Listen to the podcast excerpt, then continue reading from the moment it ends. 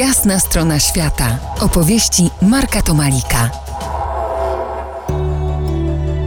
Karolina Kwiecień, doktor religioznawstwa Uniwersytetu Jagiellońskiego, autorka przewodnika po Czarnochorze, wydawnictwa Bezdroża, od wielu lat odwiedza Huculszczyznę, przemierzając czarnochorskie płaje i zgłębiając prze, przebogatą kulturę Hucułów. W ramach doktoratu prowadziła tam badania etnograficzne. Porozmawiamy dzisiaj o magicznej Huculszczyźnie, krainie, która w Europie dzierży miano tej najbardziej rdzennej, najbardziej najlepiej zachowanej, ocalonej od zapomnienia. Karolina, opowiedz o swoich związkach z tą magiczną krainą. Skąd fascynacja, kiedy pierwszy raz tam pojechałaś? Pierwszy raz e, pojechałam tam z przyjaciółmi i mieliśmy dopiero co mm, osiągnęliśmy wiek pełnoletności, więc mogliśmy, mogliśmy dostać paszport i samodzielnie wyjechać. I to była moja taka pierwsza wyprawa zagraniczna. To było właśnie na Czarnochorę. Wtedy jeszcze się podróżowało bez sprzętu i bez takich rzeczy. I o ile mnie może to nie zapadło tak bardzo w pamięć, te, te tam połoniny, o tyle mojej przyjaciółce e, tak. I niedługo potem wybrała się tam w poszukiwaniu domu. Miała taką ideę fix, że ona dom tam kupi. I pewnego dnia e, dzwoni do mnie i mówi, ty słuchaj, musimy kupić dom piękny na Czarnochorze, super tam jest, tylko że drogo, 600 dolarów babka chce i musimy się jakoś złożyć. No i my w czwórkę złożyliśmy się na te 600 dolarów i wyobraź sobie, że we dwójkę pojechałyśmy, takie dwudziestolatki, i kupiłyśmy dom. Coś, co wydawałoby się wtedy, ani teraz w ogóle niemożliwe, e, ze względów takich formalnych, ale my po prostu o tym nie wiedziałyśmy i takie szczęście idioty. Ja byłem w tym domu. Zaprosiłaś mnie pewnego letniego popołudnia.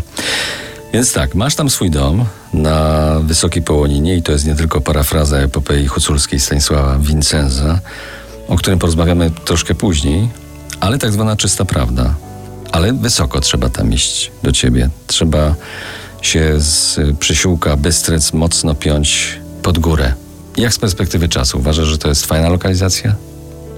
Tak, uważam, że fajna to jest lokalizacja i ten dom już mamy 20 lat i przez 20 lat rzeczywiście jeździliśmy na początku w czasach studenckich jeździliśmy kilka razy do roku. Jeździliśmy zimą i na Sylwestra. Potem trochę jak się pojawiły dzieci, przystopowaliśmy i e, zaczęliśmy jeździć e, właściwie latem. Teraz mam, po raz pierwszy w zeszłym roku nie byłam. Po raz pierwszy e, od tych e, 20 lat, bo okazało się, że to jest e, trochę tak dla dzieci nie za fajne miejsce, takich jeszcze, które nie do końca chodzą po górach, bo jest wysoko, jest daleko. Umarły e, staruszki sąsiadki, które nas żywiły od których braliśmy mleko, nabiał, piekły nam chleb, więc jedzenie trzeba e, bardzo nosić, a poza tym niestety jest zła pogoda. Potrafi lać przez dwa tygodnie i wtedy można się załamać. No. Od wielu lat przemierzasz górskie połoniny, odwiedzasz zagubione pośród lasów przysiłki i szałasy pasterskie. Szukasz ciekawych miejsc, wytyczasz własne ścieżki. Co ci najbardziej pociąga w Huculszczyźnie?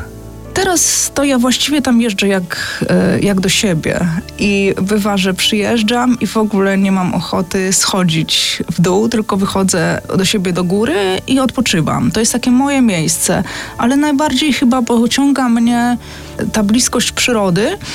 Fascynuje mnie taka tradycyjna kultura rolnica, rolnicza, pasterska. Ja jestem dziewczyna z miasta, nie, mie, nie miałam nigdy żadnej babci na wsi.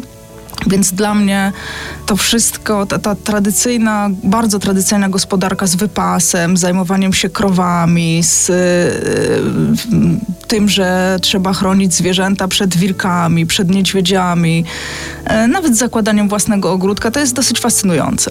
Za kilkanaście muzycznych chwil powrócimy do tematu, próbując dotknąć huculskiej magii. Zostańcie z nami po jasnej stronie świata.